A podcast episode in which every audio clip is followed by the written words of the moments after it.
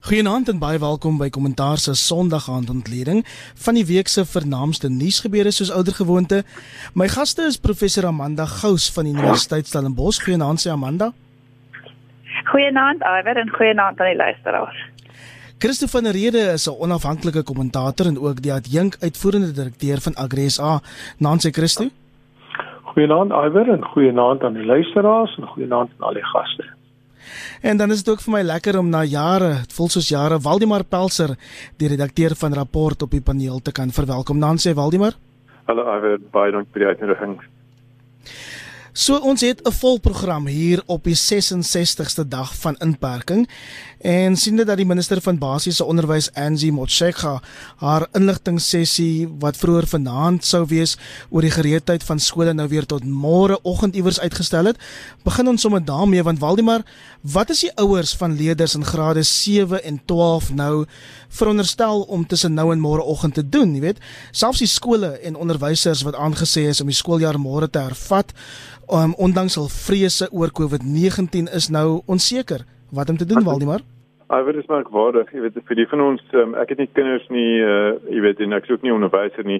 En ek dink mense onderskat uh, maklik hoe baie logistiek in plek gesit moet word uh, voor 'n uh, uh, skool gedeeltelik kan heropen, want baie van die funksies van 'n skool moet volledig hervat, selfs al laat jy net 'n klein persentasie van die leerders terug.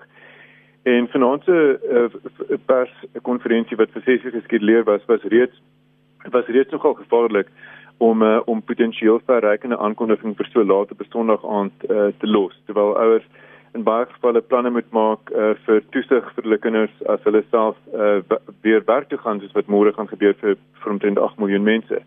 So ek dink dis 'n dis 'n 'n gevaar 'n polities gevaarlike uh, besluit gewees. Mens weet nou nie presies wat agter die skerms gebeur het nie.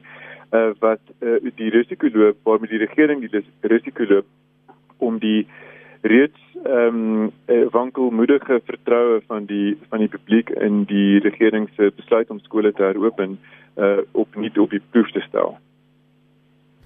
Amanda ons dat die minister gister met onderwysvakbonde vergader het, ook dat die menseregte kommissies en um, One South Africa beweging van Musi Mamani asook verskeie Facebook-groepe waaronder die van Vanessa Leroux dreig met hofaksie oor die skole se heropening. Hoe sien jy dit uitspeel? Wel, ek het net voor ons begin het na die Newsnight gekyk en die datum is nou 5 Junie. So dit is uitgestel. Ehm um, maar ek meen dit is soos Waldemar nou gesê so laat en en almal is ehm um, gestres oor die hele situasie. Die die uh, bus bestuurders wat skoolbusse bestuur in Gauteng het ook gesê dat hulle sal uh, boikot omdat hulle nie uh, die nodige beskermings ehm um, maatreëls kan tref nie want het nie die die toerusting om dit te doen nie. So dit is baie duidelik ehm um, dat dit 'n groot probleem is en uh op die 28ste was daar 3500 skole wat nog nie gereed was nie. Hulle het nie die nodige veiligheidstoerusting nie. Baie van hulle het nie water nie. Uh en sommige het nie eens toilette nie. So uh die om dan te kon sê dat uh, die skole môre moet begin terwyl die regering weet dat die nodige maatreëls uh, nie by alle skole in plek is nie en spesifiek by arm skole en landelike skole. Ehm um, en en dit is die uh, buiten vir die ouers wat bekommerd is oor die kinders se veiligheid. Is dit ook arm Suid-Afrikaners wat sê maar hulle word vir die wolwe gegooi want dit uh, as ons kyk na na middelklas skole dan is is die nodige veiligheidsmaatreëls getref en daar's water en so aan, maar dit is die arm skole wat wat die spit gaan afbyt. En so ek dink dit was um 'n bietjie voortydig van die regering om te sê ons maak oop as hulle self weet dat al die maatreëls by al die skole nie in plek is.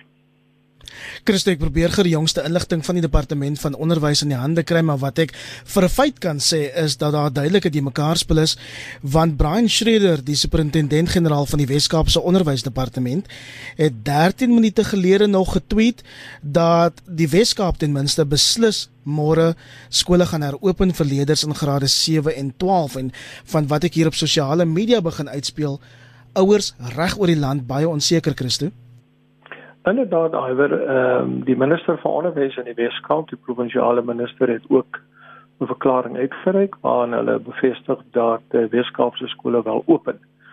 uh, ons moet ook onthou dat onderwys is 'n provinsiale aangeleentheid en waar 'n provinsie, jy weet, uh, seker is dat hulle skole gereed is om te open, moet hulle daai reg gegee word om te open.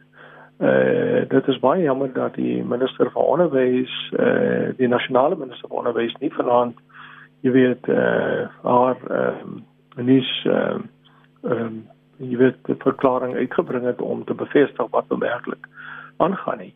Want dit veroorsaak dit verdere verwarring. Uh ek was oud skoolhoof gewees en ons het die jaarlikse toekenning van die departement van onderwys gekry met daai jaarlikse toekenning kon jy dan begroot om jou skool na behoore skoon te maak eh, en gereed te kry vir die jaar wat voorlê. En uh, dit is 'n tamelike proses want jy moet nou sorg dat apparatuur gekoop word, dat ontsmettingsmiddels gekoop word. En dan moet jy sorg dat jy en jou opsigters en wie ook al jy weet beskikbaar is uh daai hele skool van hoek tot kan skoonmaak. Ehm um, en dit sluit in jou toilette, jou store, jou klaskamers, uh allerlei geriewe selfs die grasperke moet ook netjies gesny word sodat as die kinders die skool binnekom dat alles gereed is vir hulle. So uh, ek verstaan regtig waar nie waarom uh, die onderwysdepartement nie uh, jy weet addisionele en ek in die wetenskap was dit al die geval. Hulle het 'n paar honderd miljoen rand beskikbaar gemaak om al die ontsmettingsmiddels vir die skole beskikbaar te stel. Ek weet van my skoolhoofde, hulle skool die opsigters en sienalwysers het ingegaan om seker te maak die skole is gereed. Nou waarom dit nie die geval is in 'n ander provinsie nie, uh jy weet, uh gaan met verstand te bowe. Uh mense het verwag dat die uh, onderwysdepartement wat in beheer is van uh jy weet ons praat hier van amper 30000 skole uh en 'n paar honderd duisend onderwysers dat uh, dit uh, jy weet op provinsiale vlak die die omvattende bestuursmaatreëls en beheermaatreëls in plek gesit is om seker te maak dat skole gereed is.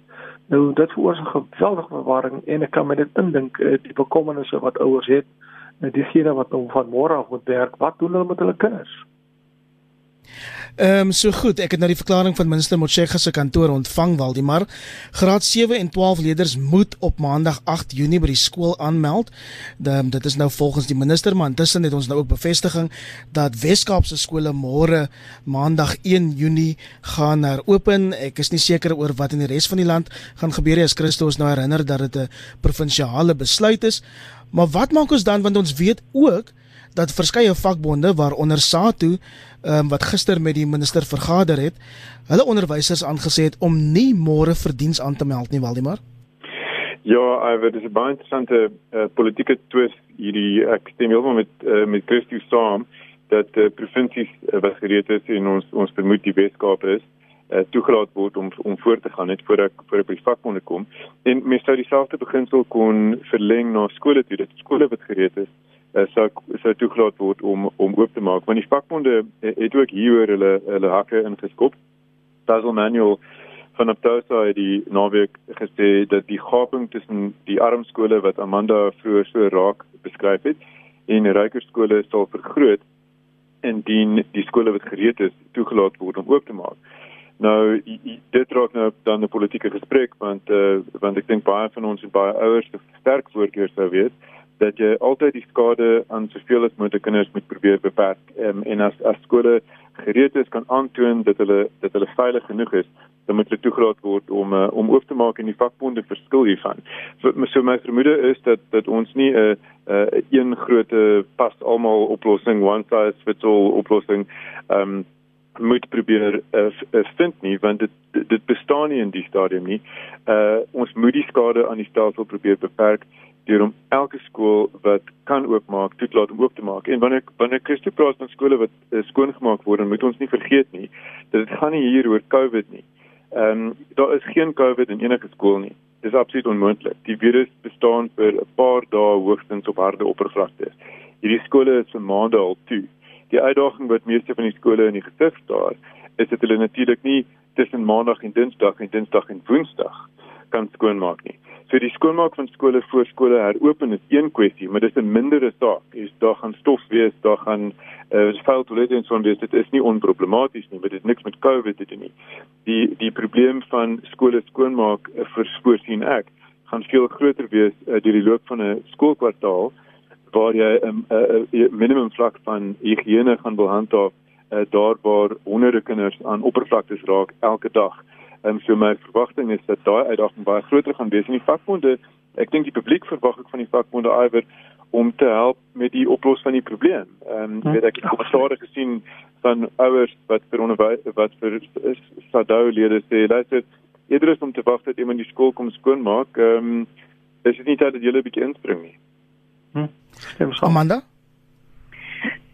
Ja, en ek dink ons moet ook nie vergeet dat ehm um, daar baie skole geplunder is tydens hierdie hele lok ehm um, grendel tydperk nie.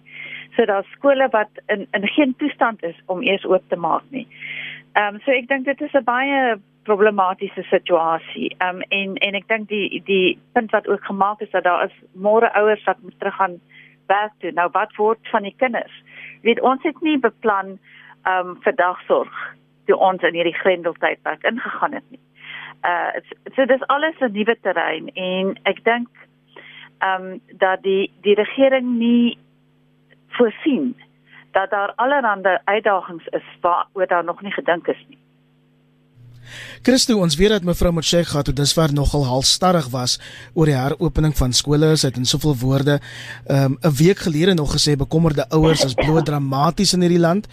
Wie dink jy gaan die laaste lag? Die minister of die ouers? Hywer uh my my my vertrekpunt is altyd uh wie is verantwoordelik uh vir die instandhouding in die skoolmaak uh, en die opvoeding wat in skole moet geskied. Die regering of die ouers, onderwyser, gemeenskap, uh jy weet en die beheerliggaam wat in beheer is van daai skool. Uh dit is die mense wat aan die einde van die dag die gesag het, die eintlike gesag. As jy mooi gaan kyk na die skole wetgewing, dan lê die eintlike gesag eintlik by die beheerliggaam van daai skool. Nie by die Suid-Afrikaanse Onderwysunie of by enige ander onderwysunie. Lê by die gesag van daai skool. Nou uh, ons kom met 'n kultuur uit waar ons as onderwysers 24 ure 'n dag geleef het vir ons uh uh jy weet uh, uh, uh roeping. Ons het altyd vir mekaar gesê dit is nie 'n beroep nie. Jy weet, 'n skool is ook nie 'n fabriek waar jy vandag kan toemaak en oopmaak volgende week nie. 'n uh, Skool is 'n lewende organisme. Met ander woorde, jy weet, uh, ons onderwysers leef ons ons roeping op so 'n wyse uit dat ons jy weet seker maak dat dit wat ons vir die kinders bied of die gemeenskap altyd uh jy weet uh 'n nalatenskap moet moet oplewer. En 'n mens sou verwag dat onderwys in is uh jy weet um, en ook jou uh uh onderwysdepartement uh, sou reeds jy weet planne beraam het om jy te sê maar luister hoe vat ons hande hoe maak ons seker dat ons skole gereed is En hoe maak ons seker dat ons kinders veilig is in daai skole hoewel ons sit met 'n pandemie op hande daai kiem beweeg soos die kinders beweeg uh en uh die weet uh, die die risiko raak net groter en groter by die dag. Maar uh aan die einde van die dag moet jy 'n balans uh vind tussen uh, jy weet 'n uh, normale die normalisering van die samelewing en uh, die risiko's wat die pandemie vir jou inhou. Uh, en dan sou vir mense verwag dat jy weet daar 'n ergbare uh, handevat aksie sou wees tussen al hierdie verskillende rolspelers om seker te maak ons skool op die gang. En dit het ons gedoen. Uh, jy weet uh, in die tyd wat ons onderwysers was en uh, waar ons beheer was van skole. Uh so uh my my my ek hoop net en ek hoop uh, jy weet beheerliggame aan die einde van die dag wat dit wetlik verkose entiteite is en wat beheer staan oor skole, sal nog groter beheer neem oor skole en uh jy weet daadwerklike aksies van staatsbestuur om seker te maak dat er daai balans handhaaf tussen uh, die normalisering van uh, skoolaktiwiteite en ook seker maak dat hulle die risiko's minimaliseer wat hierdie wat saam met hierdie pandemie kom. So uh, om te praat van laaste lag, dink ek uh, dit lê nou in die hande van beheerliggame. Ja, en as dit in die hande van die beheerliggame lê, strook dit met inligting wat ek tans ontvang van reg oor die land. Verskeie skole laat weet van verskillende dele van die land dat hulle inderdaad môre heropen, um, vir grade 7 en 12. So ek dink as jy luister en bekommerd is, dis die beste om maar met jou eie skool te praat oor wat gaan gebeur. Minister Angie Motshekga beloof intussen dat haar media inligting sessie nou môre oggend 11:00 sal plaasvind, maar ons weet ook van verskeie kere van tevore dat die minister dit al van tevore herhaaldelik keer op keer uitgestel het. Intussen het president Cyril Ramaphosa vanmiddag 'n virtuele vergadering met die Suid-Afrikaanse Nasionale Redakteursforum SANEF um, gehad en ons weet dat meneer Ramaphosa in die laaste 68 dae nog nie een keer aan die media die geleentheid gegee het om vrae te vra na sy gereelde toesprake nie. Waldemar, jy was in daai vergadering met die president. Hoe sou jy die algemene stemming van die vergadering beskryf en ek weet nie dit moontlik is, is nie, maar wat was die een groot boodskap wat jy daar weggedra het? Maar dit lyk vir my dat uh, die president probeer regtig die glas half vol sien. Ehm um, al is baie Suid-Afrikaners in 'n jy weet in 'n bestaanskrisis en hy uh, sien en ek glo die ANC ook uh, sien regtig die COVID krisis as 'n as 'n geleentheid um, om die rol van die staat um, op amper elke vlak van die samelewing te vergroot en dit het hy en dit het hy gesê. Ek gaan net aanhaal hier uh, uit my notas uit COVID-19 has given a further boost to the capacity of the state. Uh, I want to capitalize on that. Um, in in hier het nie net uh, voorbeelde te genoem van staatsbeheerde ondernemings soos soos SAL nie waar waaroor hy um, baie optimisties is. Um, uh, maar ook uh, die nasionale gesondheidsversekering wat volgens die president amper noodwendig uh, volg op uh, op die COVID krisis. Interessant genoeg um, uh, sê die president uh, dat die feit dat um, so baie mense met welslae behandel is in privaat en staatshospitale vir COVID um, en dat meer as 50% van almal wat die virus toerisbaar opgedoen het um, in hierdie twee hospitaalstelsels uh, herstel het is 'n bewys dat die nasionale gesondheidsversekering kan werk. Nou, ehm um, daar word dan sekere kon sê dat mens wens dit was so eenvoudig. Ehm um, net 'n enkele opmerking oor die herstelkoers. Die herstelkoers is natuurlik eintlik 99.5% van almal wat dit kry is is die wetenskaplike se konsensus weet daar so mens moet nie nou gevolgtrekkings maak oor um, oor die rol van jou hospitaalstelsel in jou herstelkoers nie mense mense herstel oor die algemeen van covid uh, maar dit lyk of die president baie gefokus is op die herverbeelding van uh van die van die ekonomie uh, en vir die staat 'n uh, groter rol daarin sien en ek dink die meeste die meeste Suid-Afrikaners sal sal toegee dat daar groot probleme in die ekonomie is. Um in tweedens dink ek die meeste mense sal toegee dat die grootste probleem is verskriklike armoede. Um maar die president het geen konkrete planne op die tafel gesit vandag in elk geval hoe die regering beplan om die ekonomie te groei sodat die koek waaruit mense meer skype wil uitdeel. Um hoe daai koek gaan gaan lyk oor oor 'n paar jaar nie want um want die krisis waarin ons nou is en dis hoekom die heropening van die ekonomie môre so noodsaaklik is um, is is is um, is ek absoluut eksistensieel en net net om is dit vir dort noem ek bedoel food forward is organ van die ongelooflike organisasies wat kos uitdeel skat dat 30 miljoen mense uh, koshulp kan benodig uh, uh, tydens hierdie tydens hierdie paar maande van die krisis jy weet ons weet 7 miljoen mense kan hulle werk verloor um, en al hierdie probleme dreineer ook die fiskus Uh, ons het gesien 6.5 miljoen mense dit het die president vandag ook gesê iwer en dan gaan ek eers ehm um, uh, volstaan. 6.5 miljoen mense het gedoen vir spesiale COVID toelaag van R350. En van hulle is nog net 117000 betaal teen vandag. Dit was teen laas naweek nog net 10 mense. 117000 uit ehm uit so 3 miljoen wat daarvoor uh ehm um, uh, kwalifiseer is 'n baie klein aantal. Ehm um, en die regering is besig om ehm um, ons was reeds by 'n fiskale kraans gewees uh, twee maande gelede. Ons gee groot tree vooruit op die oomblik, ook met verhoogde maatskaplike besteding. So, ehm um, ten slotte ambisieuse planne vir 'n nog groter rol van die staat vorentoe, wie 'n staatskas ehm um, waar waar jy weet waar uit klomp beloftes gemaak word, uh, maar daar's geen aanduiding waar waar die waar die inkomste vandaan kom nie. Amanda, ek moet sê om daarby Waldemar aan te sluit. Ek het hierdie week amper fisies naar geword toe ek hoor hoe die SASSA baas erken dat net 10 mense, 10, 10 mense van die 4,9 miljoen mense wat aansoek gedoen het vir daai 350 toelaag ehm um, wat president Ramaphosa 'n paar weke beloof het om um, al hulle geld ontvang het en hulle het gesê teen die naweek sou dit um, 'n 100 000 wees en en vlak 3 inperking wat nou 'n groot opstoot is vir die ekonomie, maar wat beteken dit Amanda vir vir die armstes van die armes?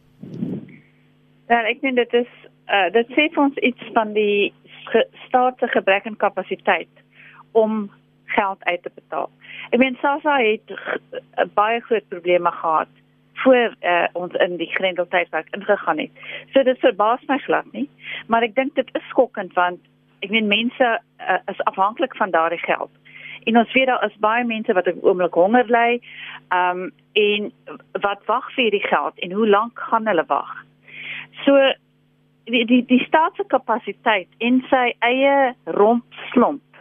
Ehm um, in terme van uitbetalings nie net ehm um, aan aan individue nie maar ook aan besighede wat aansoek gedoen het vir vir die uh, geld wat hulle moet moes dra deur hierdie tydperk.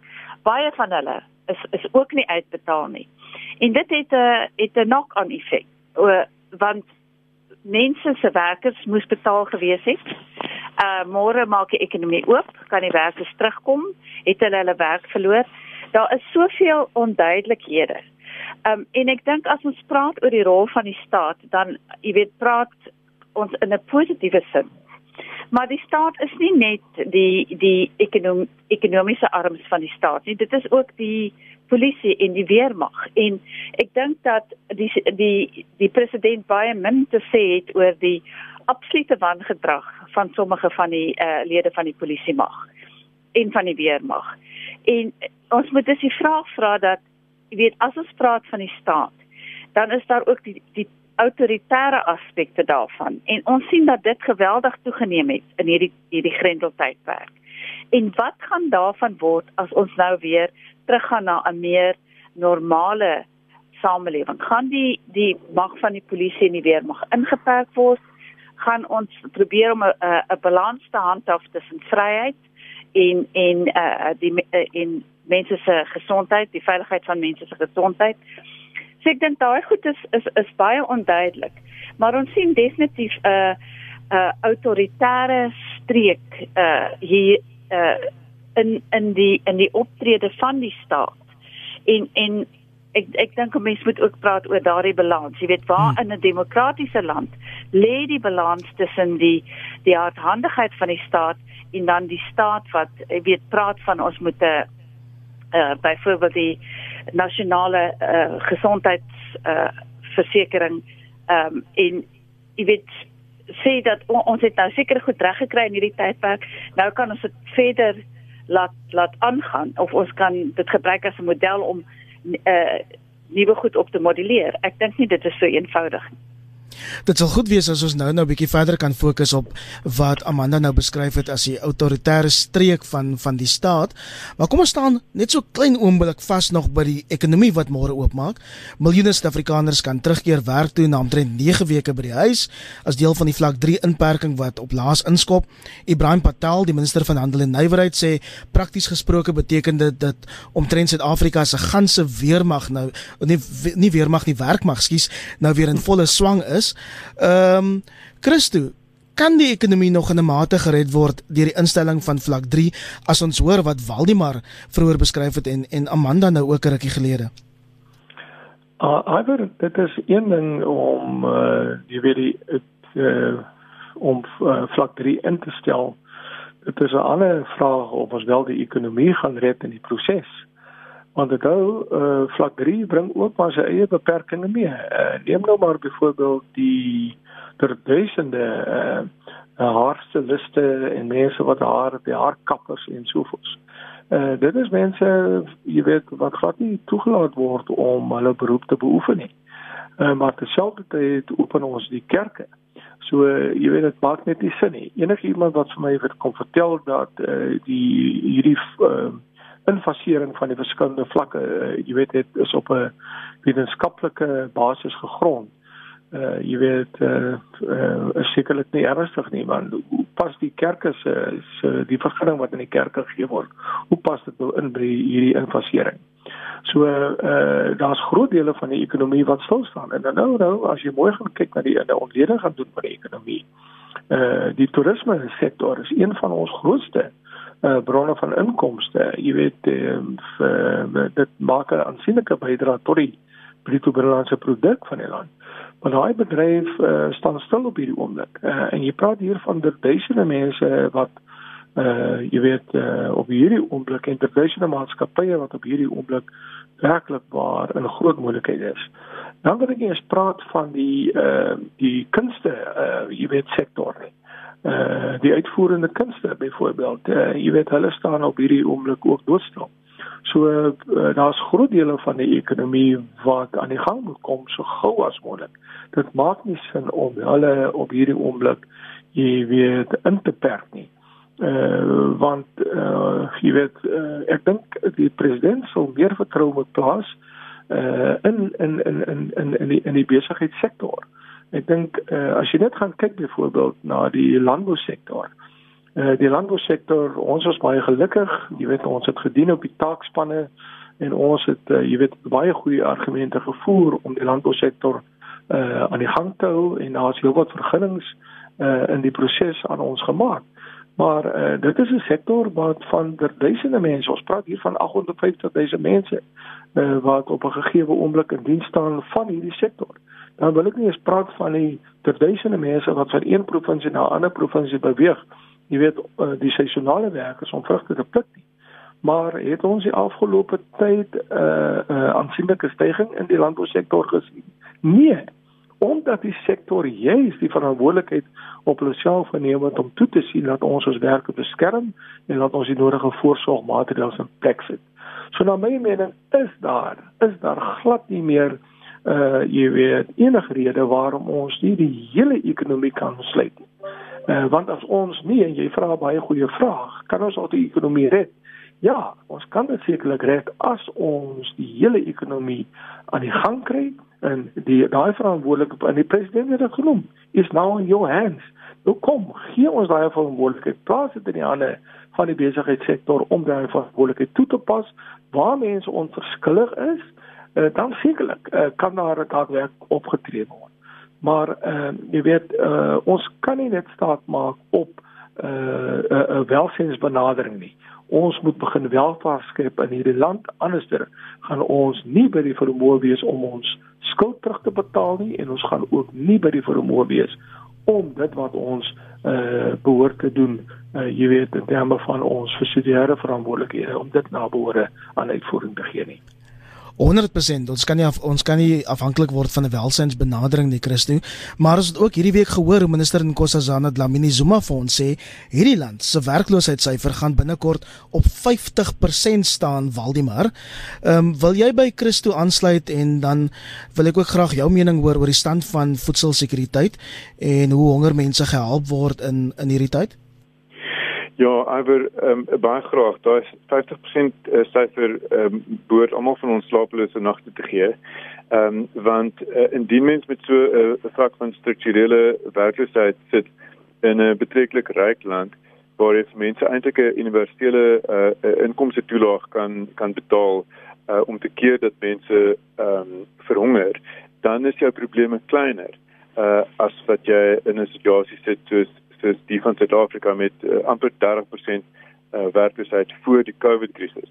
So ek is baie bekommerd um, bekommerd daaroor en, en en daarom is die is die ehm um, die verwydering van struikelblokke die eerste ding wat die regering moet doen. Nou die president het vandag gesê die wetenskaplikes het hulle gesê hulle kan eintlik nou al gaan na vlak 1 van inperking eerder as vlak 3, maar hulle het besluit om 'n middeweg te volg. Ek weet nie of dit 'n goue middeweg is nie, maar hulle het besluit om 'n middeweg te volg.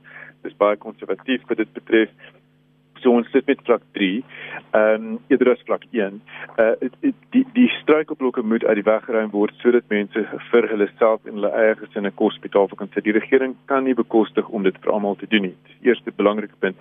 Maar uh, en hierdie ander ding is baie moeiliker is dat selfs al verwyder die regering al die regulasies al die beperkings van inperking vlak 3 4 5 watter vlak ons ook al op gaan wees selfs al doen hulle al goed is ons mense nogal versigtig en skrikkerig vir die siekte.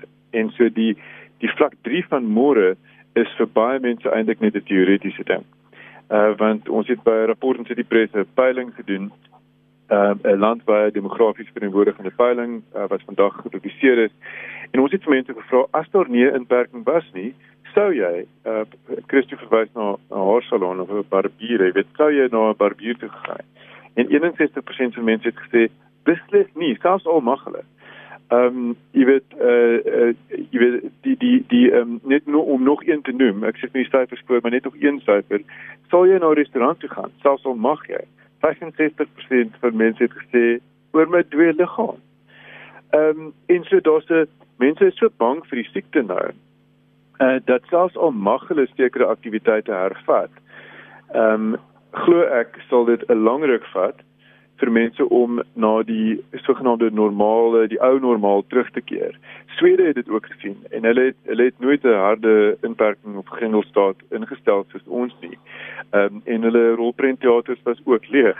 Uh en hulle restaurante was ook bykans leeg. So ek dink dit is goeie nuus dat ons môre 'n verslapping sien.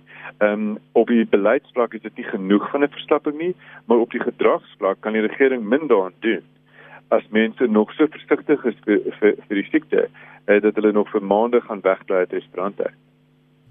Amanda Waldemar verwys nou daarna die virus van vrees en mense sou ook seker kon argumenteer dat die armstes van die armes nie noodwendig die luukse het om soos baie van ons keuses te kan maak nie, bedoel hulle het nie toilette om die om die basiese um, higiëne in stand te kan hou nie.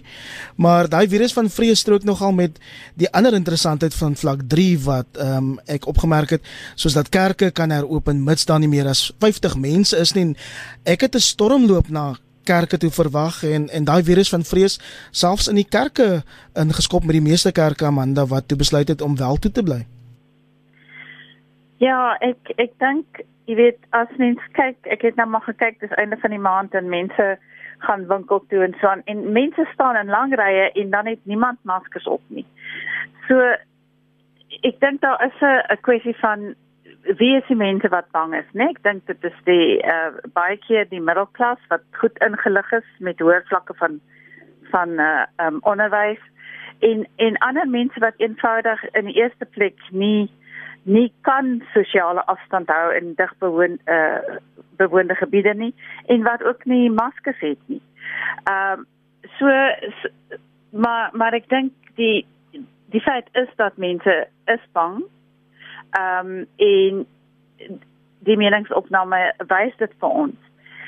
En die die feit dat kerke bereid is om toe te bly is vir my baie interessant want ek het daar was 'n tydperk wat wat die geloofsleiers gesê het uh jy weet die kerke moet oop en ons moet aangaan en uh voortgaan en jy weet die Here sal basies uh bepaal wie word siek en wie word nie siek nie.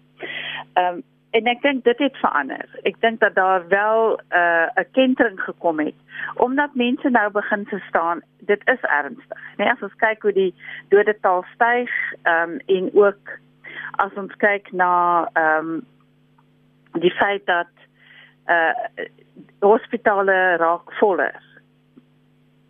Uh en ek dink daar's ook baie misverstand oor hoe die virus versprei nee kan dit uh voortleef op oppervlaktes uh en vir hoe lank kan dit vassit aan jou klere uh en so aan. Uh maar as ek as ek weet as ek dit kan verwys na byvoorbeeld die kruidenierswinkel hier op Stellenbosch. Uh ek gaan nou nie die naam noem nie, maar is vandag toe. Want van hulle werkers het het koers gehad. Met ander woorde dit word baie ernstig opgeneem en uh nou moet daar 'n uh, diep skoon gemaak word en uh gekyk word hoeveel jy weet uh, wat is die moontlikhede dat een mens hoeveel ander mense nou meer kontak gehad het en so aan. So dis dis nogal kompleks. Maar uh dat mense ehm um, bang is en ek ek veral ouers oor hulle kinders wat moet terug gaan skool toe. Ehm um, uh dit is dit is beslis 'n feit. Christo, ehm um, op 'n ligter noot, ek weet nou nie of dit op 'n ligter noot is nie. Ehm uh, maar die regulasies aangaande kerke was nogal vir my vreemd. Is steeds vir my vreemd. So die regering het nou wragtig geprogrammeer dat dan mag nie meer as 50 mense wees nie en hulle kan kerk toe gaan solank hulle net nie saam sing nie. Ehm uh, maar is steeds nie, dis steeds in die wet om vir 'n familielid, een familielid of of vriend te gaan kuier. Um, ook steeds 'n groot nee vir sigarette. Ehm um, wat sit agter hierdie amper teater van die absurde Christo? Ek dink ehm um, jy weet die kerk is eh uh, verteenwoordig in die eerste plek 'n baie baie groot kieserskorps.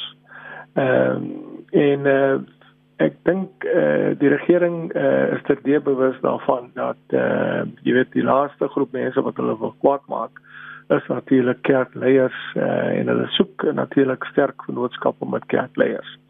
Die tweede groep is natuurlik tradisionele leiers of konings en koninginne. Ehm um, so dit is twee uh, groepe uh, jy weet wat uh, der duisende as dit nie ja, ons praat hier van miljoene Suid-Afrikaners verteenwoordig. So die regering se doel is natuurlik om hulle tevrede te hou aan die een kant.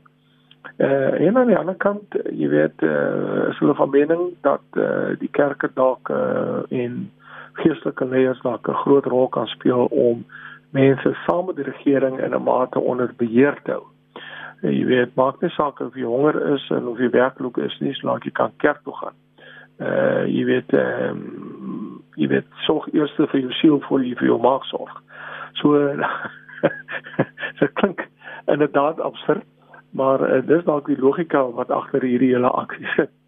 Uh, maar uh, die feit van die saak is iwer as ons ekonomie nie aan die gang kom nie, het ons groter moeilikheid in die land en dit maak my bitter bitter bekommerd. As jy luister na die uitsprake van ministers, uh, as dit van minister Chelle afgehang het, sou hy drankverkope uh, jy weet nog verder verbied het.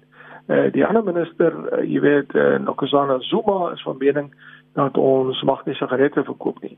Maar as jy mooi gaan kyk na wat die koerante vir jou sê en wat die selfs die polisie vir jou sê is dat uh die die die slikhandel met sigarette het met rasseskrewe toegeneem. Mense het nie op moet rook nie, mense rook op nie minder nie. Nou ek is die laaste persoon wat mense wil aanmoedig nou om jy weet enige vorm van uh jy weet of om te begin rook of uh, aan te hou met rook of jy weet drank uh, buitensporig te gebruik van hierdie goed uh, hou dodelike gevolge in vir enigiemand in. Maar soos jy reg op uh, opmerk, uh, daar's 'n hele klomp absurde reëls wat net nie sin maak nie. Eh uh, mense sou uh, uh, graag wil hê dat die regering in die eerste plek die ekonomie moet prioritiseer.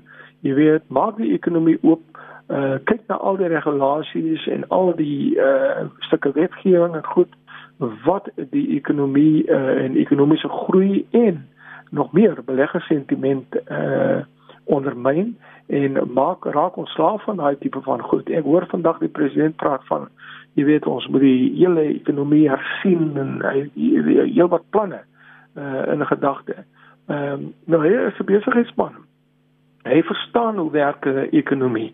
Jy weet die basiese beginsel beginsel van uh supply and demand jy weet uh uh as jy nie daai tipe van beginsel dryf nie en jy dryf hom nie op die regte manier nie en jy maak net seker dat jy aan albei kante die aanbodkant sowel as die vraagkant as jy aan albei kante die nodige uh vryheid vir mense gee en uh die nodige vertroue inboesem nie uh, dan kom uh dit tot stilstand en die hele land lê dan ekonomies daaronder en dit is wat nou die geval is ons sit met allerlei absurde regulasies wat aan die einde van die dag die ekonomie duur te staan kom.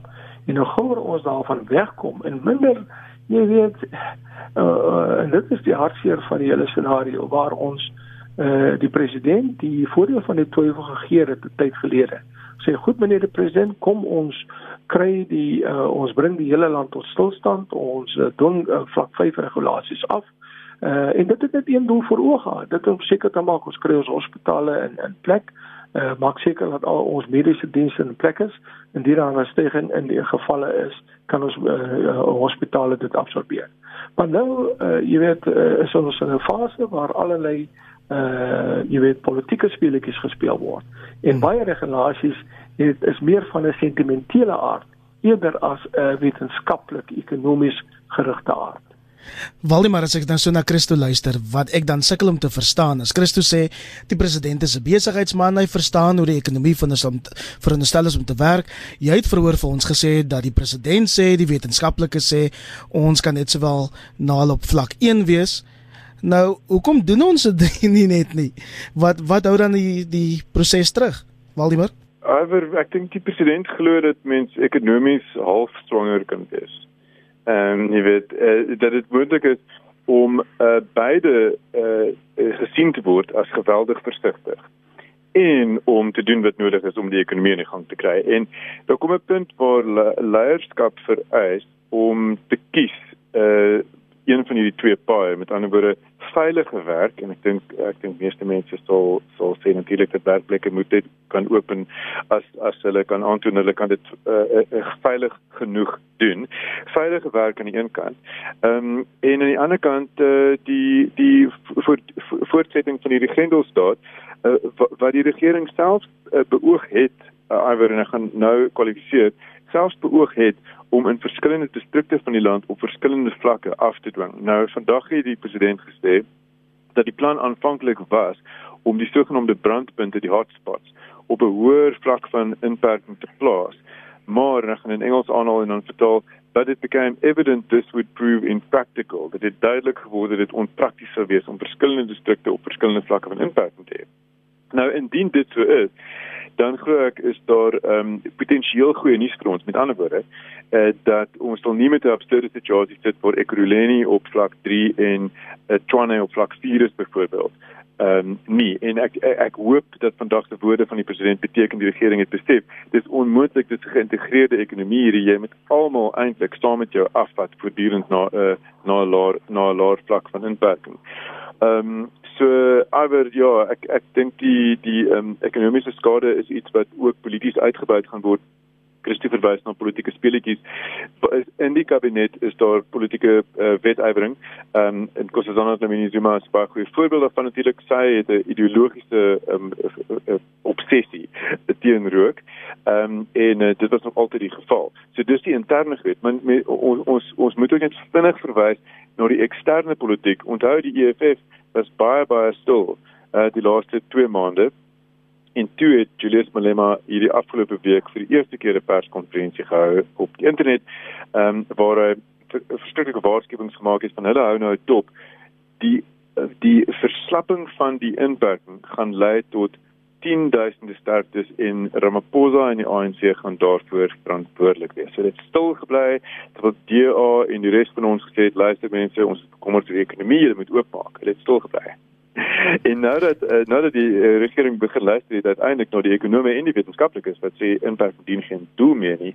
Nou probeer die EFF die ANC blameer vir sterftes. Waarvoor selfs die ANC uh, nie eintlik blameer kan word nie.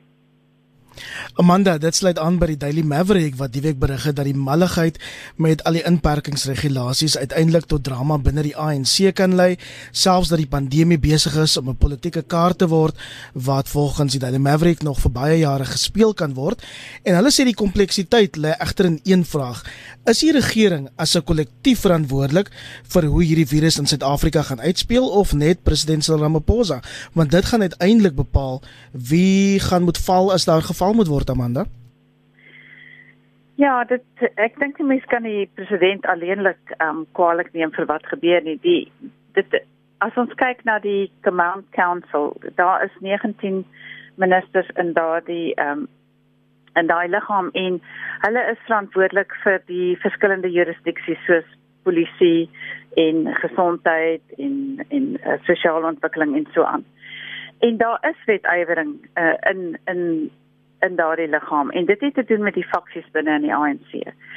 Uh en daar is mense wat sê dat die president ondermyn word, dat hy oor sekere goed eintlik baie sterker wil optree uh, maar dat ehm um, Nkosazana Dlamini Zuma 'n baie sterk stem het. Ehm um, en sy is nie in dieselfde faksie ehm um, as hy nie. Dit weet ons. Ehm um, so die die dit is die gewone ANC politiek wat dit self uitspeel rondom die virus. En die president probeer 'n uh, gesig van eenheid daarop sit. Toe toe hy aangekondig het dat sigarette verkoop sou kon word as ons vlak 4 toe gaan, het uh, Dlamini Zuma gesê nee, uh, dit gaan nie gebeur nie. Ehm um, en hy het uh, gesê dit is 'n dit was 'n konsensusbesluit, maar dit was nie eintlik 'n konsensusbesluit gewees nie. Ehm um, daar is ander goed rondom po polisieering wat wat problematies is. Uh daar is uh, die hele kwessie met Angie Motshega in die skole. Ehm um, wat wat problematies is. So om en en die EFF is besig met hulle um populistiese politiek uh wat 'n geleentheid soek om om basies nou weer 'n stem te hê uh op wat hulle die afgelope 2 maande nie gehad het nie. Uh so dit speel dit self uit met basiese dreigement om te sê maar as mense nou doodgaan is dit uh die die president uh, die oorsaak daarvan. Die punt is die ANC verteenwoordig eintlik uh mense wat wat uh werkloos is uh en ook wat ek dink die werkloosheidssyfer gaan baie hoër wees nou uh na die grendeltydperk. Ehm um, so dit is 'n is 'n 'n gemeenskap hulle wat hulle verteenwoordig wat uh basies gemarginaliseer is van die ekonomie of wat uh, in die lae werkersklas is. En dit dit is voordeel, dit het 'n voordeel vir hulle daaraan om te sê wel ehm um, jy weet uh, as die ekonomie nou oopmaak dan gaan mense doodgaan want die die probleem is dat daardie mense is reeds gemarginaliseer van die ekonomie.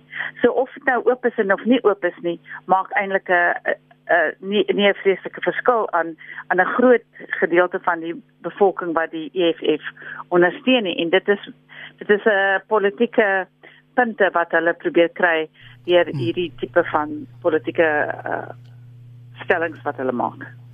As jy pas by ons ingeskakel het, dis kommentaar op 100 tot 104 FM en die kommentaarpaneel druk tot so skuins voor 9 vanaand deur en ons gaan nou 'n bietjie begin spoed optel om nog by ehm um, internasionale nuus ook uit te kom. Maar Christo, ek weet jy het bietjie binnekennis oor die sigaretdrama van die punte wat Amanda nou aangeroer het. Hoe kwaai is die spanning tussen die kabinet en die president en 'n mens kan nie help om te wonder wat het geword van daai top 6 wat gesê het hulle wil oorsig uitoefen die, oor die regering se COVID-19 plan nie. Wel, die uh, die spanning het uh, direk te maak uh, met aan die een kant die president wat bitter bekommerd is oor hoe Suid-Afrika se skuldverpligtinge genakom uh en die president uh, uh jy weet luister na wat minister Tito Mboweni vir hom vertel oor uh wat die stand van die ekonomie uh, is op tot op hede. Uh Tito Mboweni het weer die oor van uh, Edward Kieswetter en uh dit is baie duidelik dat SARS op hierdie oomblik uh, miljarde verloor. Uh, uh jy weet ons is Vrydag in 'n vergadering is ons ingelig dat uh die regering verloor so wat 1.2 miljard rand net aan eh uh, aksens uh, belasting en dan nog so 500 miljoen rand net in terme van eh uh, jy weet die BTW op sigaretverkope. Eh uh, dit is miljarde en eh uh, die ekonomie is besig om te bloei, die staatskas is besig om te bloei. Daar's geen of die inkomste op hierdie oomblik is uiters wankerig. Aan die ander kant eh uh, jy weet moet die uh, president nou allerlei verpligtinge nakom daar's ondernemings gegee wat miljarde beloop. Ons praat hier reeds van 'n bedrag van 500 miljard rand. Nou aan die een kant, jy weet, is lekker om sulke aankondigings te maak van polities, jy weet, eh uh, posisioneer jouself as jy eh uh, 500 miljard rand kan links na regs uitdeel. Die groot vraag is hoe waar gaan die geld vandaan kom uh, om daai skuld terug te betaal? So uh, dat daar absolute spanning binne in die uh, regering is is gewis maar uh, ek sou graag wil sien dat die president jy weet uh, vanmiddag het hy jy weet uh, baie um, jy weet uh, hoe kan ek sê uh, op 'n manier oorgekom of entoesiasties oorgekom oor die uh, noodsaak om die ekonomie te hervorm en allerlei jy weet idees het op die tafel neergesit. Maar uh, die groot uitdaging is om daai idees in in die praktyk uh, te implementeer uh, om te red wat te redde is. En ek dink uh, die president moet so gou as moontlik vir ons sê wat is sy eintlike planne. En dan kan hy dit toelaat dat uh, jy weet sy opponente om verder ondermyn want as hulle dit gaan doen, uh, jy weet gaan hy aan die einde van die dag uh, sleg weer kom in die proses. Waldemar, hoe beïnvloed Suid-Afrika se COVID-19 toets agterstand van bykans 100 000 ons stryd teen hierdie pandemie en ek weet daar's wêreldwyd 'n tekort aan die toets ehm um, toestelle. Uh, so dis nie noodwendig ons ons regering se skuld nie, Waldemar. Alhoewel ja, dit is so lekker om vir 'n slag te kan sê dat uh, iets is nie eintlik volledig die regering se skuld nie. In elk geval nie hierdie administrasie se skuld nie. Ehm um, daar is wêreldwyd 'n tekort aan um, aan COVID uh, toetse. ehm um, uh die die uh, Chinese regering sê die president vandag die vir ons het 'n uh, lang telekonferensie met Xi Jinping van China gehad uh, die laaste paar dae. En ehm um, daar is nou 'n stelsel uh, geskep saam met China om 'n uh, groot aantal toetse uh, hy praat van um, 30 uh, miljoen ek wil my notas daaroor vind um, 30 miljoen toetse per maand um, na Afrika toe stuur uit uh, China uit en 'n hele klomp van daai is natuurlik na Suid-Afrika toe kom. So dit dit klink of daar lug um, in die tunnel is. Die probleem is net uh, dat dat selfs mense wat baie siek word van COVID um, is net vir vir 2 tot 4 weke siek. En die agterstand met toetse is op die oomblik so wat baie mense wag tot 12 dae vir die uitslae van jou toets.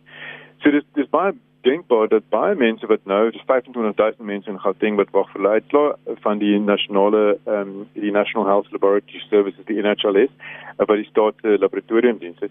500000 mense in Gauteng wag en jy gesê het amper 100000 wag landwyd vir uitslae. So dit is dat jy uitslag kry um, en dit wys dat jy byvoorbeeld negatief is mag dit natuurlik wees dat jy in daai 2 weke wat jy rond beweeg het die siekte opgedoen het. Nou dink jy jy's negatief, maar inderwaarheid het jy dit jy dit is simptome nie en jy gaan aan om ander mense aan te steek. Die keersy daarvan is dat jy jou uitslag kry en sien jy's positief, maar teen daai tyd is jy al negatief want jy is al gesond en en meer as 99% van mense herstel. So dit die groot krisis hiervan vir ons reaksie nou dat ons die Grendelstaat ophef is dat ons ons beleid teen COVID is contact tracing, naamlik om as ek weet iemand is positief, dadelik al daai persoon se kontakte na te spoor. Nou president Ramaphosa het vandag gesê dat ons kry dit op die oomblik reg om omtrent twee kontakte van elke positiewe geval na te spoor. Suid-Korea het dit reg gekry om meer as 20 kontakte per persoon wat positief toets na te spoor. So ons is eintlik besig om te erken dat ons heeltemal beheer verloor oor die siekte. Ons kan nie genoeg mense toets nie en dis net gedeeltelik ons eie skuld, gedeeltelik omdat die NHLS is geweldig korrup het jare van slegte bestuur agter hom gedeel uh, maar dit is nie ons skuld nie omdat daar tekort aan toetsstelle is maar ons is nou in hierdie krisis waar ons die grendelstaat ophef soos wat baie mense glo ons moet. Ehm um, maar ons kan nie die ander stappe doen uh, rondom die toetsing op groot skaal wat westerse lande regkry om te doen. Ons kan dit nie regkry nie. Dit beteken ons weet nie met wie siek mense kontak gehad het nie. Dit beteken ons kan nie in Zoom daarso eintlik op die hotspots om seker te maak dat ons um, dat ons ons hulpbronne daar spandeer waar dit waar dit nodig is. So hierdie is 'n hierdie is 'n baie groot probleem. Ons volstaan dan vereers met Suid-Afrika se COVID-19 stryd met die brekende nuus dat die jongste infeksiesyfer nou staan op 32683, ehm um, sopas deur Dr. Zwelim Kizi aangekondig. Kom ons praat vinnig oor internasionale nuus. Duisende mense het vir die derde agtereenvolgende dag aan betogings reg oor die FSA deelgeneem na die dood van 'n man George Floyd aan die hand van die polisie. Ehm um, die voorval het ook die naweek tot optogte in ander dele van die wêreld gelei waaronder Duitsland. Amanda, hoe ervaar jy Donald Trump se hantering van hierdie krisis? Um, ek dink dit is uh, besonder swak. Hy hy het byvoorbeeld wat gebeur het na die uh, die insident en ek weet nie of uh, die luisteraars na die video gekyk het nie, maar dit is nogal skokkend want uh, Floyd George is dood uh, omdat 'n polisieman op sy nek gekniel het en hy hy het versmoor. Ehm um, toe was daar grootskaalse vandalisme uh van van winkels en so aan en um wat Trump gesê het is well when the the looting starts the shooting will start. En daarmee het hy basies 'n uh, legitimiteit gegee aan gewelddadige optrede teen mense wat basies protes aantekening aanteken op hierdie manier teen polisie brutaliteit. Um en dit het uh basies nou 'n uh, 'n uh, 'n landwyse protes geword in die FSA want dit is 'n 'n gereelde situasie met uh polisie wat ongewapende swart mans uh doodskiet of doodmaak. Maar uh soos ons weet Donald Trump is nie in staat tot empatie nie en hy het basies niks te sê gehad vir die uh die familie van van die van die slagoffer nie. Hy het nie iets te sê gehad oor die optrede van die polisie nie. Hy het wel nadat dit ehm um, nadat sy sy uitsprake groot kritiek uitgelok het gesê uh het hy een of ander opmerking gemaak wat wat dalk dui dat dit nie aanvaarbaar is dat die polisie so optree nie. Uh maar dit gaan oor sy eie politieke situasie. Dit gaan nie werklik oor hy uh, omdat hy basies as die president van die FSA dink dat dat dit 'n probleem is nie. So sy sy optrede is niks anders as wat ons altyd van hom kan verwag nie. En dan het meneer Trump en van sy gesante intussen ontken dat die FSA probleme het met sistemiese rasisme. Ehm um, Christo en dis waaroor die, die betogings ehm um, tans reg oor die land gaan. As dit dan nie die probleem is nie, wat is die oorsaak daarvan? En ek gaan ons vra om dit ehm um, kort en kragtig te hou asseblief julle. Ja, ek dink eh uh, uh, die FSA is jy weet uh, sit op 'n tydbom. Uh en dis 'n mengsel van faktore. Aan die een kant uh, weet ons dat miljoene mense het hulle werk verloor die afgelope tyd. Uh, tweedens het hierdie inperkings geweldige psigiese het mense psigies geaffekteer. Uh, en derdens sit jy met hierdie sistemiese rasisme wat oor dekades aankom. Uh, en ek dink uh, dit was net 'n geval van tyd. Uh, die bom het afgegaan en nou sit ons met daardie uh, probleme in die FSA. Dit is baie interessant dat ons nog nie so 'n situasie in Suid-Afrika gesien het nie, maar ek dink ons moet baie versigtig wees. Ehm uh, jy weet wat dit gaan trigger aan die einde van die dag, weet ek nie maar uh, ons ons ekonomie is so gou as moontlik aan die gang moet kom. Ons mense frustrasie aan aanspreek en ons moet seker maak dat uh, jy weet mense se sosio-ekonomiese omstandighede aangespreek word. Anders kan ons met dieselfde situasie sit in Suid-Afrika Kom ons groet op 'n ligter noot. Elon Musk se ruimtevaartonderneming SpaceX het vroeër vanaand op uh, die internasionale ruimtestasie aangekom. Gisterand geskiedenis gemaak te twee NASA ruimtevaarders na die ruimtestasie gelanseer is. Ehm um, en Waldemar president Trump het dit as 'n oorwinning vir die VSA beskryf en hy het vergeet om na te laat uiteraard dat Elon Musk ehm um, ook 'n Suid-Afrikaanse burgerskap het. Nie dat Elon Musk seker ehm um, opgewonde sou wees as Suid-Afrika daarvoor krediet vat nie, Waldemar. Alweer ja, dis baie interessant. Ek dink uh, ons moet aanhou om onsself te vra uh hoekom uh is uh jy weet briljante jong mense soos Elon Musk gekies het om om hulle fortuin in Amerika te gaan maak uh, eerder as hier. Jy weet ons moet ons moet selfondersoek daar doen. Jy weet ons wil die plek wees waar sulke jong mense vir hulle self toekoms sien. Uh, reg maar maar um, net net op jou om jou ligte noot daarom te eer. Ehm um, Musk het uh, het nou by herhaling gesê 'n uh, maanbasis is 'n uh, uh, deel van sy planne en natuurlik om die beskawing as mens dit wat die mens dom aanvang is beskawing kan noem jy weet op Mars te gaan voortsit en ek dink dit jy weet hierdie groot droom van hom waarna hy vir ek dink 18 jaar op iets gewerk het uh, wys net mens moet hom maar um, erns opneem as hy beloof dat hy op pad is uh, maan toe en miskien in ons lewenstyd nog Mars toe Ehm um, ek weet nie of ek op op sy krakke wil wees nie. Amanda, die laaste woord behoort aan jou, kort en kragtig. Wel, ek is nie so optimisties nie. Uh, ek dink net dat wat ons nou sien is die uh ruimtereise wat deur 'n privaat maatskappy oorgeneem word wat beteken dat regerings uh nie meer dieselfde invloed gaan hê oor wat in die ruimte gebeur nie.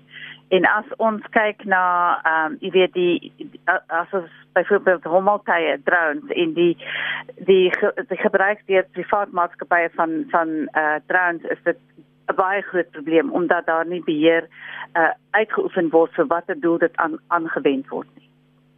Dis waar ons vanaand gaan met Amen sê op kommentaar. Baie dankie professor Amanda Gous van die Universiteit Stellenbosch, Christo van der Rede van Agri SA en Waldemar Pelser, die redakteur van rapport.